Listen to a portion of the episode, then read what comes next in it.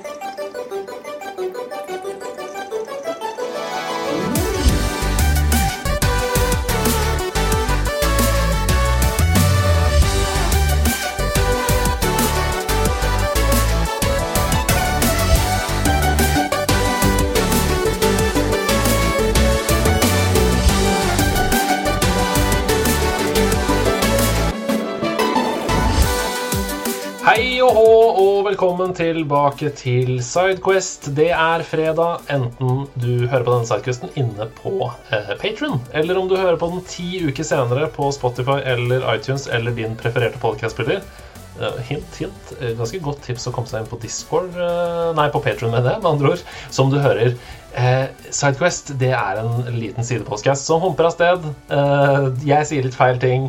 Det går bra. Vi koser oss og prater om hyggelige spill. Og i denne serien, som heter Fem spill du ikke kan gå glipp av, så får jeg hver uke med meg en eh, kjent eller ukjent hyggelig person som kan anbefale fem spill til deg som hører på. Og det trenger ikke å være tidenes beste spill. Det trenger ikke å være sånn Dette er min personlige topp fem-liste. Det er bare fem spill som vedkommende mener at du bør ha vært innom eh, før du da forsvinner fra denne jordkloden. Eh, og med meg til å anbefale fem spill eh, I dag så har jeg fått med meg en ganske fersk gjest i nederlandslaget, men som rett og slett gjorde et såpass uutslettelig inntrykk at vi hadde ikke noe annet valg enn å invitere han raskt tilbake til Sidequest. Ta godt imot stortingspolitiker og nydelig, nydelig mann Grunde Almeland. God dag, god dag. Så utrolig hyggelig å få lov til å være tilbake allerede nå. Eller for de av dere som hører det på, på vanlig podkastspiller. Ti uker eh, Elleve uker seinere blir det da. ja. ja, nei, det, det, gikk ganske fort, rett og slett. Det, du, rett på vei ut av studio sist så sa du sånn Du, hvis du trenger hvis du trenger noen til Sidequest, så har jeg mikrofon på kontoret. Det, det føler jeg var et såpass godt innsalg at jeg er veldig glad for at jeg allerede har fått lov til å komme med igjen. Det var jo en utrolig hyggelig, hyggelig opplevelse å være med sist. Og det å få lov til å ta et sånt friminutt i hverdagen og bare snakke om noe av det som er gøyest i verden, det gjør jeg gjerne igjen. Oh, ja, det er veldig koselig. Det var supergøy å ha besøk av deg også. Um, en av de episodene vi har fått absolutt mest uh, positive tilbakemeldinger på, og veldig sånn gøy og god energi. Så det, det må du ta med deg videre. Veldig hyggelig. Da er listen lagt, og forventningene bare til å innfri. Veldig bra. Um, du, um, du har jo tatt med deg fem spill hit i dag. Og jeg fikk jo på en måte en forsmak på noen av disse spillene da du var gjest i eh, hovedpodkasten, men er det noen sånn tematisk tanke bak dem? Er det noen grunn til at du har valgt akkurat disse fem? Altså, Jeg eh, tenkte jo når jeg satte meg ned og begynte å liksom snekre på denne listen, at jeg skulle komme med liksom fem litt sånn forskjellige spill. Eh, jeg tenkte jeg skulle ikke prøve å ta noen av de spillene som jeg allerede hadde snakket veldig mye om eh, i den episoden jeg var med, men jeg skulle prøve å finne liksom et litt sånn, litt sånn variasjon og vise at jeg var liksom en litt sånn mangfoldig spiller. Da. Så jeg har vel tatt med meg da Eh, ja, Fire av fem av disse spillene fant jeg ut at det er mer eller mindre strategispill, så det, jeg vet ikke om jeg lykkes helt likevel. Jeg har i hvert fall tatt med spill som jeg ærlig, ærlig oppriktig synes er skikkelig fine og skikkelig artig å spille, og som enten du har spilt de før, eller du aldri har plukket de opp, så er det fint, eh, dette er et veldig fint tidspunkt å plukke de opp og spille de og, og, og teste de ute. Ja, Det er i hvert fall en veldig sånn bra grunnregel at uh, etter at man har skrudd av denne podkasten og tenker sånn hm, det ble jeg nysgjerrig på, så trenger man på en måte ikke å uh, sende et brev til uh, den politiske administrasjonen i Kongo for å få mulighet til å spille et av spillene, f.eks. Det er bare å, enkelt å plukke det opp på sin egen PC eller konsoll. Ja. Um, jeg tenker at vi bare kjører i gang. Og det er jo sånn at jeg pleier å putte de spillene du har valgt, de som gjestene har valgt, i kronologisk rekkefølge. Som vil si at vi begynner med det eh, eldste. Og dette er veldig gøy, fordi dette spillet her som vi skal snakke om nå, det var det første spillet i denne serien som jeg også ble introdusert for. Jeg var elleve år, um, og Petter Holmstrøm i klassen han elska dette. Og da jeg gikk inn på YouTube før vi skulle spille inn her i dag og så på litt sånn video fra det og sånn, så fikk jeg så utrolig mange gode, varme følelser tilbake. Jeg kjente meg bare rett tilbake i Nordsetergrenda borettslag uh, på en ganske dårlig kontorstol ved siden av Petter Holmstrøm. Jeg snakker om strategispillet Heroes of Might and Magic 3.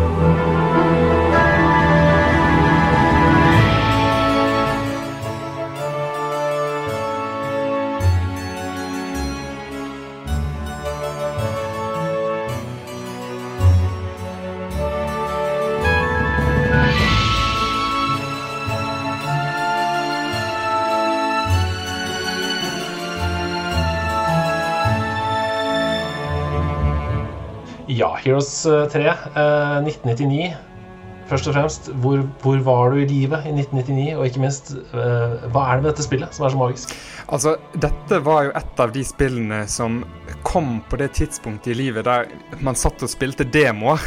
Og dette vet jeg det er mange, mange som har samme erfaringer med, at man fikk disse demodiskene med ulike spill, og man testet veldig mye sånn småspill og småbiter av spillet. Og det, det, gjorde vi vel også da med akkurat, akkurat Heroes 3. Og jeg husker jeg satt oppe hos en kompis, og vi liksom delte stol og satt og spilte Heroes sammen. Vi, det var begrenset med plass innenfor det lille kontoret, og vi fikk liksom eh, plassert det altså liksom godt til rette og spilte det som skulle vise seg å være en liksom magisk verden av, av liksom strategiske muligheter. og det var liksom, det var magiske dyr, det var drager, det var engler. Det var liksom Ja, det var mye større enn veldig mange av de andre spillene man gjerne opplevde eh, på den tiden. sant? Særlig oss som, som har frekventert sånn 1, 2, 3-spill og den type ting i den alderen. Ja, ja, Dette var noe helt annerledes. Nei, Det er så gøy det bildet du maler der med å sitte på samme stol. For jeg, jeg føler at alle hadde på den måten.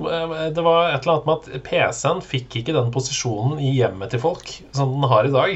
Den var liksom bare stua inn i et hjørne på soverommet til foreldrene eller under en trapp. eller det var sånn ja, Man måtte liksom sitte på én stol. Ja, det, det, var, det er sånn pinnestolfølelse med gammel stasjonær maskin stuet i en krok. Men, ah. men at det spillet der, som er egentlig kjempestort, klarer, du liksom klarer å presse det ut av en gammel sånn under trappen-PC det, det, det, Altså, det, det, Hvis du sammenligner i dag noen av liksom de store episke opplevelsene, må du jo gjerne liksom, Du må kjøpe inn spesialutstyr omtrent for å klare å, å, kjøre spillene. Men mange av de spillopplevelsene, da kunne du liksom Du kunne få det der K-bladet i posten og teste ut egentlig alle spillene som kom på den demodisken. Så det, det var det er litt annen tid dette spillet kom i. Mm. Det var en enklere tid. Ja. Men ja, ok. Jeg vet ikke om jeg savner den tiden likevel. Det er noe, det er noe gøy med å, å, få spille Valhalla også, da. Det, jeg er glad for den opplevelsen. Jeg er enig i at det er noe gøy med det. Men ok, eh, Heroes, Heroes 3. Um, det er jo et strategispill som er turbasert. Uh, og det er jo litt annerledes enn Altså, min erfaring med sånne spill som dette på den tiden var jo liksom Command and Conquer og Red Alert og sånn. Og dette er litt annerledes fordi uh, når du kommer til battlene, så zoomer det på en måte inn. Og så er det um, nesten litt sånn Um, XCOM-aktig, med liksom felter man flytter i og sånn. Kan ikke du fortelle litt om det? Jo, altså Dette er jo et turbasert strategispill.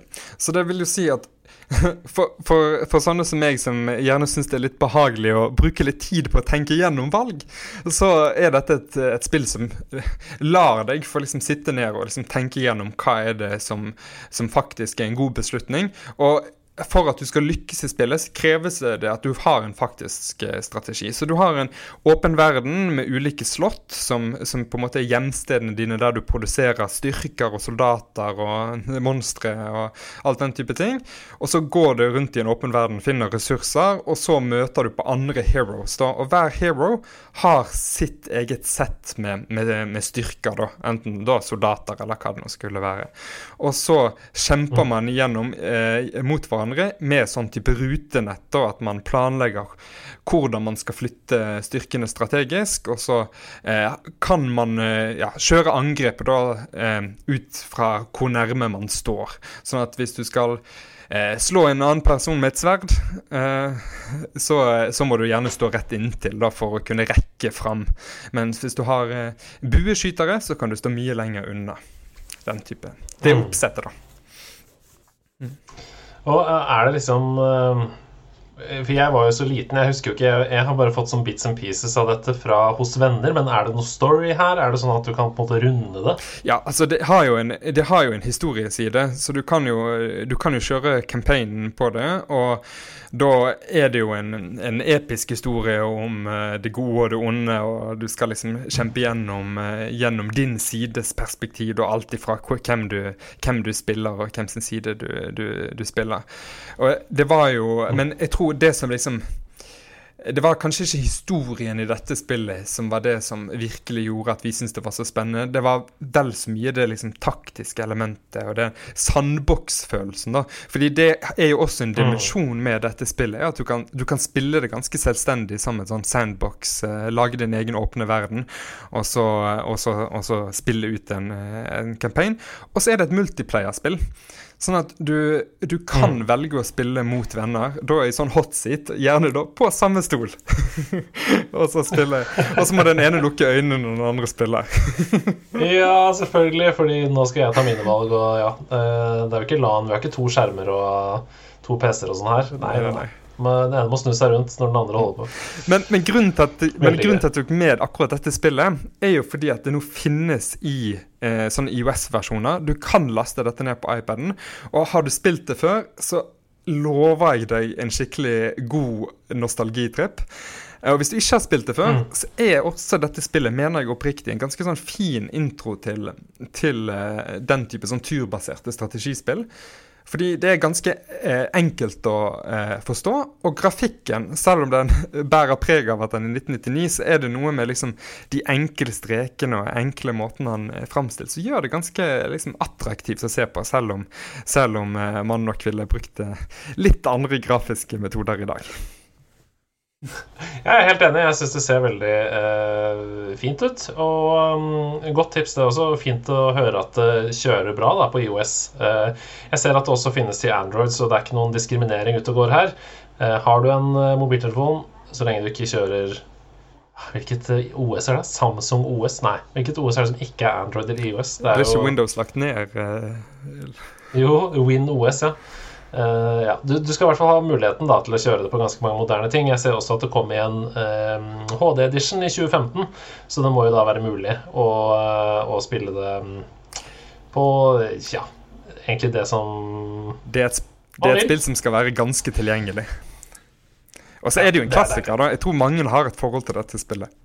Ja, ja, ja, absolutt. Jeg tror det, det Ja, som sagt, jeg hadde ikke noe forhold til sjangeren i det hele tatt, men til og med jeg ble jo dratt inn i det via Petter Holmstrøm. Så jeg er sikker på at uh, mange kjenner seg igjen i Heroes 3. Men vi må videre, og vi skal hoppe ganske mange år frem i tid. Uh, hele 14 år frem i tid. Til et spill uh, som Dersom kanskje Heroes 3 blir litt for lite for deg, litt for små kart og sånn, så kan du dra til dette Grand Strategy-videogamet som er fra 13.8.2013. Jeg snakker om Europa Universalis 4.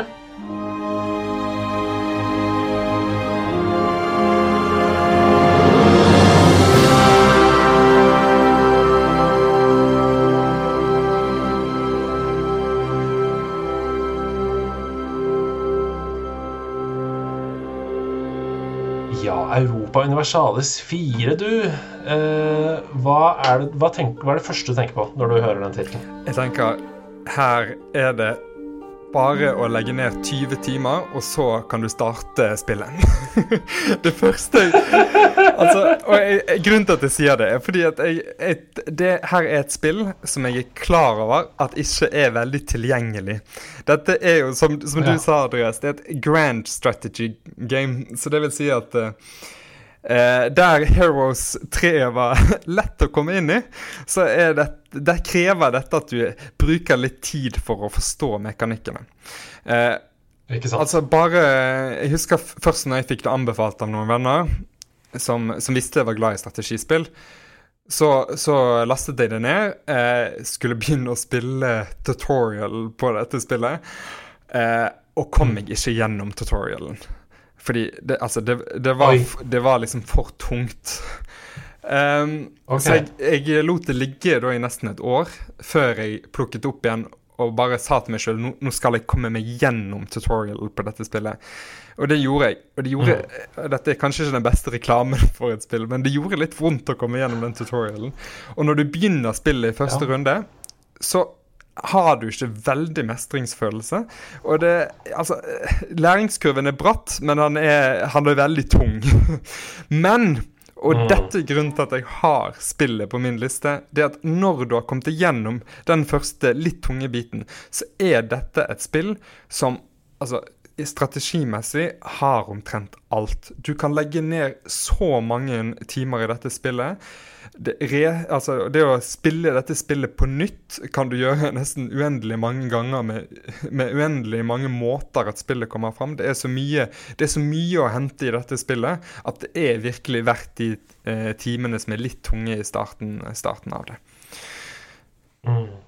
Og sånn er det jo ofte da, med de aller aller beste mm, Ikke bare spillopplevelsene, men bokopplevelsene og liksom kunstopplevelsene. at Det koster jo litt eh, av deg som consumer på en måte å bli investert i det. Men når du først da er investert, da er det helt eh, unikt og ingen vei tilbake. Jeg kjenner selv at jeg har hatt det sånn med f.eks. Disco Elysium nå nylig. Eh, et spill som virkelig tok meg skikkelig på senga, men som er litt krevende å komme over den første eh, kneika på.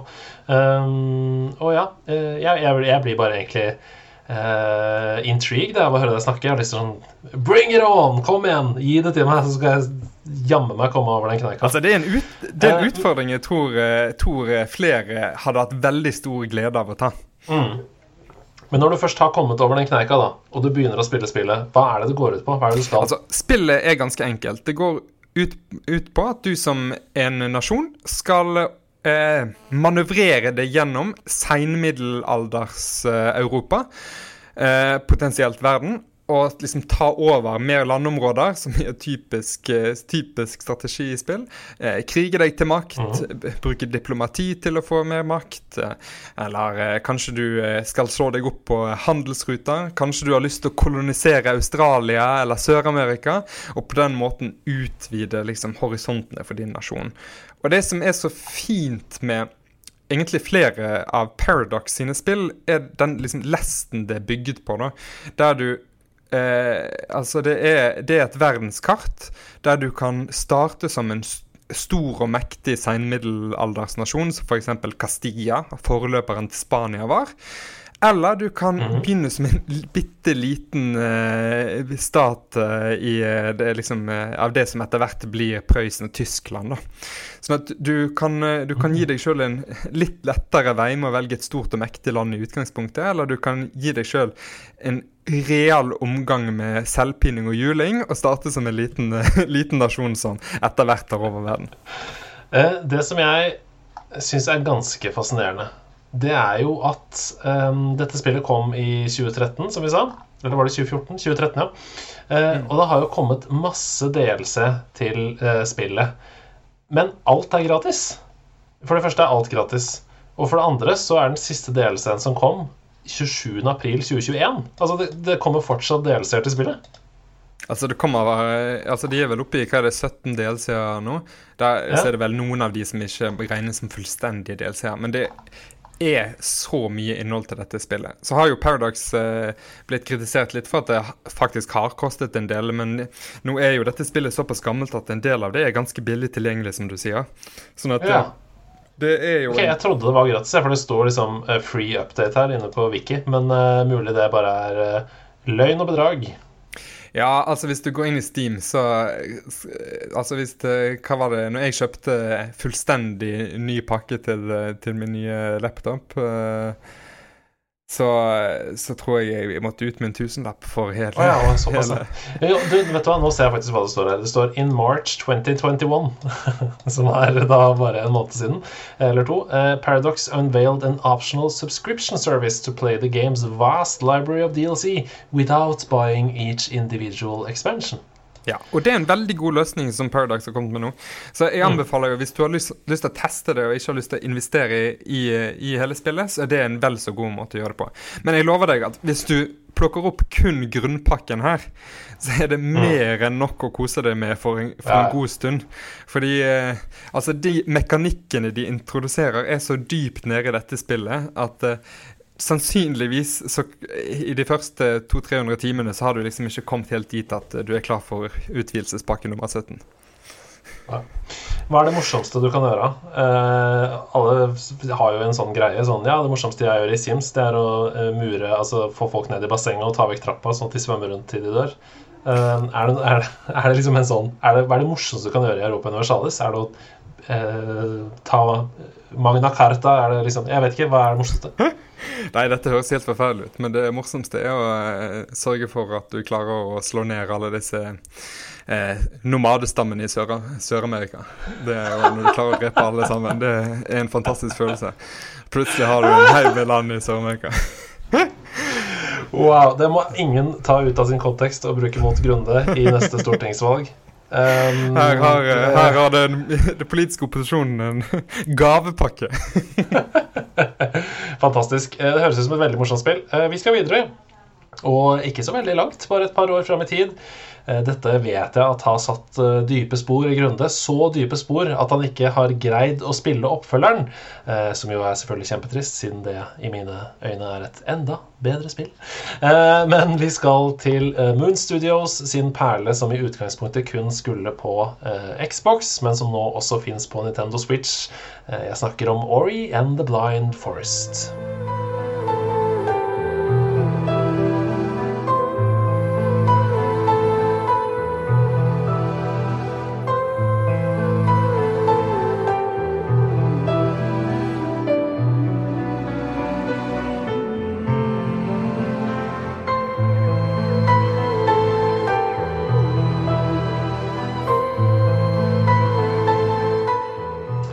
Kan du bare ta ordet, tenker jeg. Fortell om Ori and the Blind Forest.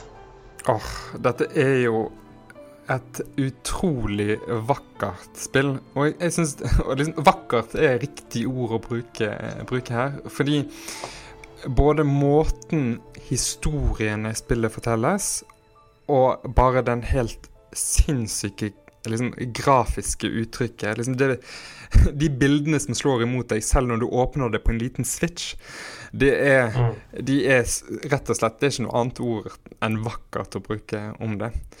Og det mm. er jo et, er jo et plattformspill.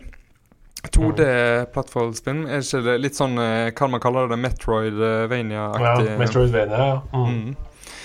Eh, så det, det, handler jo om at du er en liten eh, Hva heter det på norsk? Spirit? Hva er det på norsk? Ja, En liten ånd, eller? Ja, ja en liten ånd som har falt Skogs, fra eh, Skogsånd? Ja. ja, en skogsånd. Det er et fint, uh, fint, ord. Som har falt fra, fra Spirit Tree og som må prøve å finne veien liksom, tilbake. Finne veien rundt omkring i denne magiske skogen, da. Som, mm. som ja, er det plattformbaserte universet du skal navigere deg gjennom. Og det er, altså, det er, rett og slett en magisk opplevelse. Dette er jo noe helt annet enn de, de strategispillene vi har vært inne på til nå. ja, du skal ikke eh, slå ned noen eh, raser i Sør-Amerika med eh, Ori på det, i dette spillet. Nei. Ori er altfor søt og snill til å, ja, til å... Nei, og det er jo, eh, som du sier, man um, begynner liksom Tar de første forsiktige skrittene uh, inn i spillet og utforsker litt og sånn, og så hopper man liksom ti timer fram i tid, og da zipper man seg rundt, og alt Det er nesten bare sånn Movementen er helt fantastisk. Du, du fryser tiden, skyter deg rundt og bare Ja, når du mestrer kontrollene på sitt beste, så føles det som om du bare Det er bare din lekeplass, det du kan gjøre i det spillet. Altså, jeg har spilt Jeg har jo spilt en del ulike spill opp igjennom, og jeg tror etter hvert jeg har funnet ut at en sånn ting som er en god sånn måleenhet for meg på om jeg eh, faktisk liker et spill eller ikke, er om F.eks. Når, når jeg går et sted i spillet, mm. blir jeg veldig sånn stresset over at jeg ikke har sjekket ut alle områdene eller ikke. For Hvis det blir veldig stresset, så for meg så hemmer det litt sånn Det ødelegger litt spillopplevelsen. Fordi jeg liksom er redd for at å gå glipp av noe. Det, det, da må jeg liksom tilbake igjen dit, og det er stress, og det er tungt, og er, jeg møter jeg mange hindringer. Men Ori, så er det sånn Jeg kan gå der, og så vet jeg at det er områder jeg ikke har oppdaget. Men det er ikke så stress å komme tilbake dit. Eh, spillet er veldig godt på å veilede deg hvor du skal, så det er sånn veldig naturlig å gå nye steder. Og så møter du jo Det er jo det her det med Metroidvania-systemet eh, klikker inn. Men det, du møter områder der du ikke har tilgang til. Og så er det helt greit.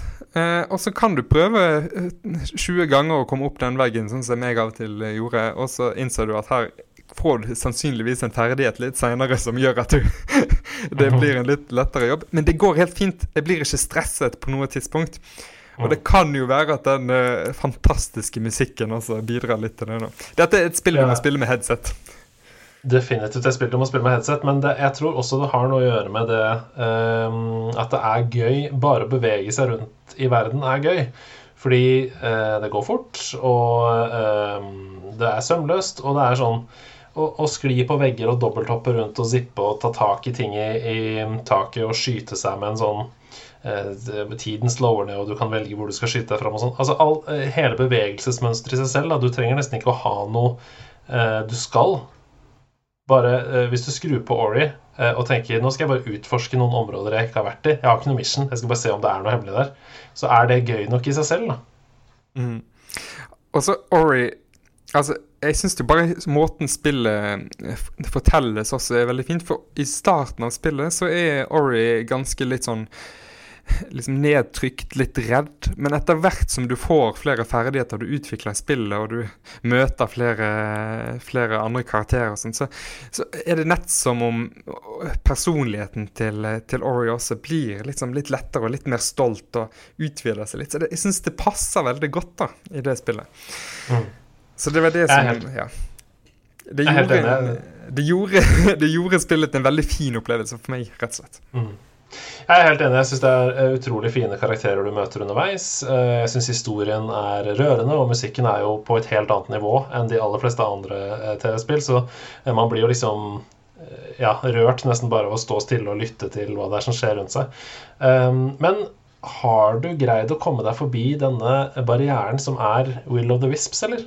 Jeg har ikke det, rett og slett. Og det, jeg, dette eh, høres sikkert veldig rart ut, men jeg synes Blind Forest var et så utrolig godt spill, og jeg likte så godt måten altså mekanikkene var løst, at det var skikkelig tungt å begynne på Will of the Wisp. Selv om det er også et helt fantastisk vakkert spill.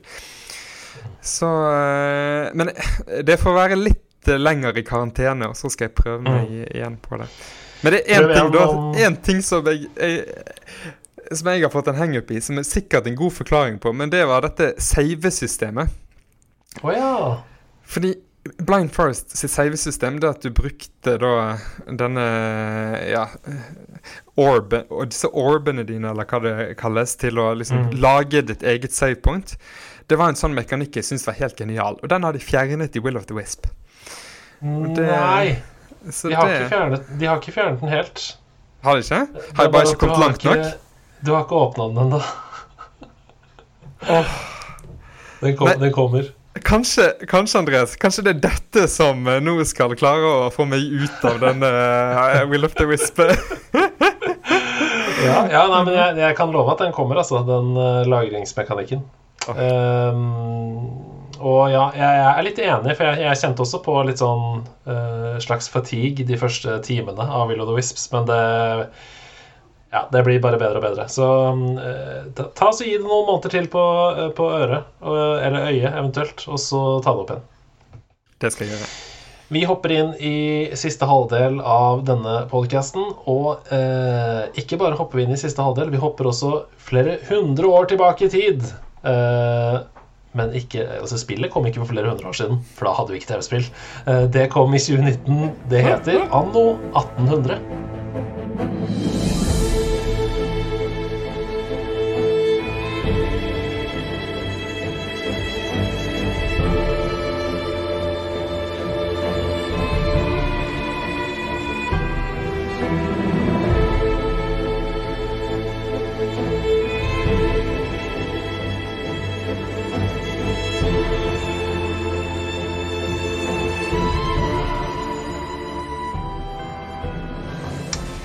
Anno 1800 det er jo et spill som følger etter Anno 2070 og Anno eh, 2205. Hvorfor, for det første, eh, går de bakover i tid? Først framover, og så hopper de langt tilbake. Og for det andre, hva går det ut på? Jeg har aldri spilt det. Jeg vet ikke hva det er engang. Altså, Anno-serien er jo eh, til alle lytteres overraskelse et strategispill. Eh, Åh, men det er kanskje mer sånn SimCity? Sånn City Builder? Ja, det er det, kalles vel en City Builder strategy, eh, Eller City Builder art- RTS, er det vel det kalles. Ja. Um, så det er For det er um, eh, sanntid, altså real time, uh, Mhm. og det er um, uh, Så det, og det er fullt ut strategi. Du skal eh, eh, ta, eh, sørge for å ha god eh, liksom ressursflyt, sørge for at eh, ulike næringsutviklingskjeder fungerer, gjøre riktig type handel, ta en del sånn typisk strategispillvalg. Men så har det et veldig sånn eh, framtredende citybuilder-elementer. Eh, Sånn at du eh, I anno 1800, som er det nyeste av anno-spillene eh, Anno-spillene er jo bygd over samme lest, men det nyeste spillet er altså anno 1800. Og der eh, er du på en øy, eh, type stillehavsøy i kolonitiden, og det handler om at du skal kolonisere øyer. Eh, Nok en gang du skal kjempe ned sånne urbefolkning. Altså, dette bærer ikke riktig vei. eh, Andreas. Men eh, det er ikke like mye urbefolkning til stede fra før av eh, på alle disse øyene, da. Men, eh, men du skal i hvert fall kolonisere øyer, og så skal du bygge deg en by på disse øyene. Og så skal du etter hvert utvide eh, ja, handelsimperiet ditt til flere øyer, og så er det andre konkurrerende handelskompani da, som du kjemper mot dominansen i, i øyeområdet på. da. ja. Ja, så det er må du lage måte eh, Du må lage toglinjer, du må på en måte sørge for at infrastrukturen er på plass og sånne ting, eller?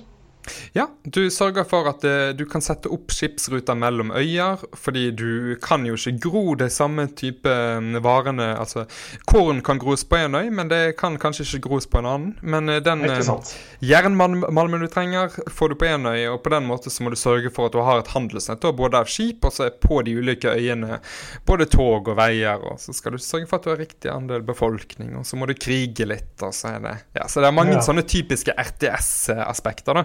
Men eh, hvis du liker Hvis du syns sånn SimCity eh, eller sånn City Skylines og sånn er litt gøy, men du har lyst til å prøve litt mer strategispill, så vil du garantert like anno.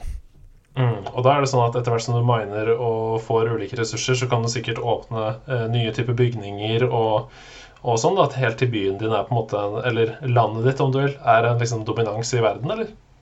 Absolutt. Du, du starter med ganske enkle kår, små hus, men etter hvert som du utvider og, og bygger deg opp og får mer penger og mer ressurser, så ja, kan du forske og utvikle på, på at eh, ja, plutselig kan du lage pølser, og så kan du lage Altså, eh, du kan lage alt. Plutselig kan du lage vinduer. Før kunne du bare lage glass. liksom. Du, du har sånne næringskjeder da, som du kan komme lenger og lenger i, som du kan tjene mer og mer penger på å eksportere. Og så eh, får du mer og mer velstand, så du utvikler byen din, og husene blir eh, høyere, og du får mer intelligente mennesker, og plutselig får du turister, og så kan du starte turistimperium og samle på eksotiske dyr som du har stjålet fra urbefolkningen i et Jeg, jeg merker det, det er en rød tråd i denne podkasten. det, er ikke, det er ikke nedtrykking av urbefolkning, det vil jeg bare si. Nei, det var det jeg la opp til litt her, da. Eh, Men det kan godt hende at det er strategi som er den røde tråden. Uansett, dette er da eksklusivt på eh, PC eh, og har fått veldig gode anmeldelser, så dette er et safe bet, som Grunde sier, hvis du liker denne typen spill. Vi går videre til det siste spillet på lista di, og dette her er jeg også personlig veldig eh, nysgjerrig på. Jeg har ikke spilt det, eh, men jeg tror jo at jeg hadde elska det, og jeg tror også at det er et spill som virkelig får eh, maksimalt kos ut av din Nintendo Switch. Det kom i juli 2019, og det heter Fire Emblem Three Houses.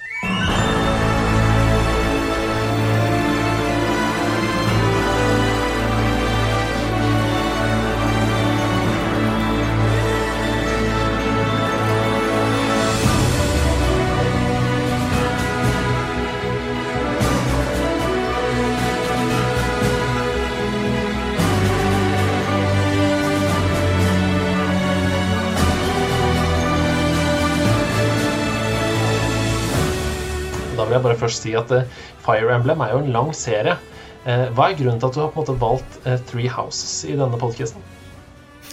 Um, det er nok fordi um, Three Houses er et veldig Altså, det er et ganske ferskt nytt spill. Det er et mm -hmm. veldig lett tilgjengelig for folk på, på, Nintendo Switch. Men så mener jeg også at um, da tar hele serien litt videre.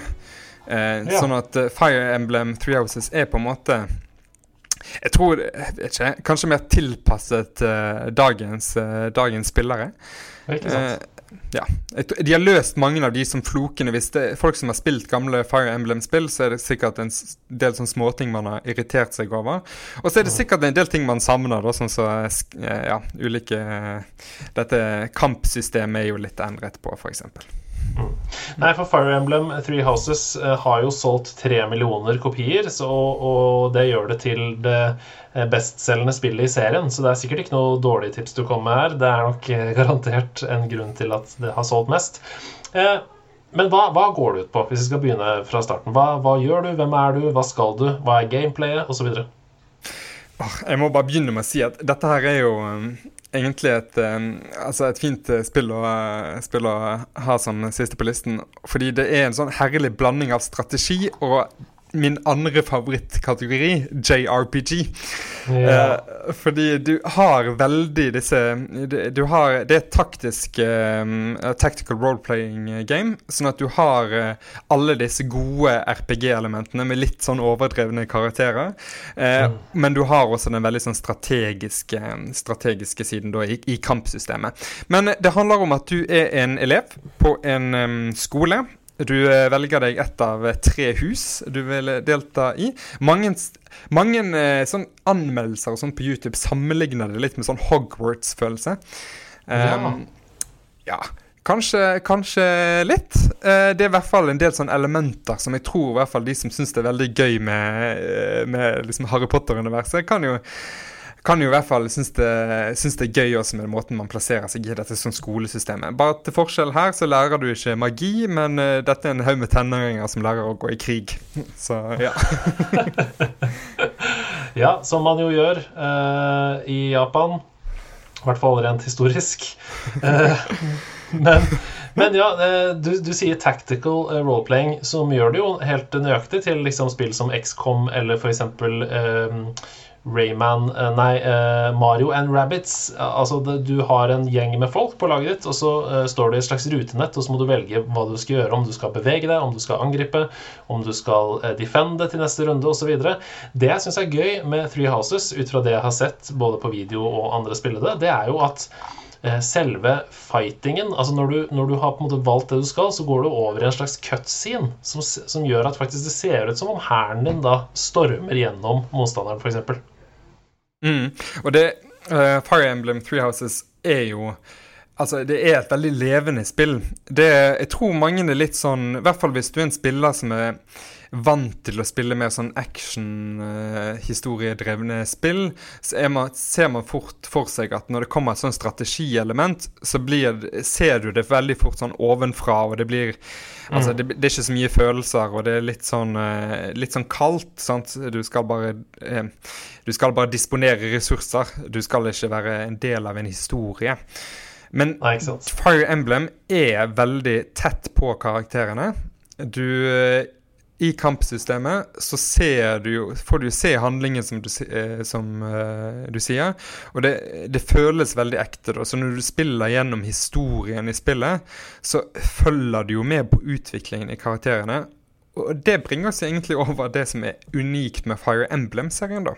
Nettopp det tette forholdet du har til uh, den enkelte karakter, og hvordan det å interagere, interagere med ulike karakterer eh, bringer historien videre til den enkelte karakter i spillet. Eh, mm. sånn at hvis du ikke velger å ikke snakke med en karakter omtrent hele spillet, så vil du sannsynligvis ikke se hvordan eh, historien til, til, den karakteren heller blir på slutten, på samme måte som hvis du hadde satt opp spillet på en annen måte. Og så har du jo den berømte, beryktede eh, Jeg vet ikke hva man skal kalle det. Eh, element i seg, nemlig permadeath.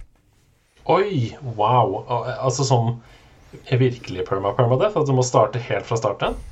Nei, det er Du kan miste karakterer underveis, så det er liksom uh, hvis, så hvis du gjør en taktisk dårlig valg i kampen, så kan du miste en av klassekameratene dine, og da er rett og slett den skrevet ut av historien. Spillet fortsetter, men, uh, men den karakteren er ikke lenger med.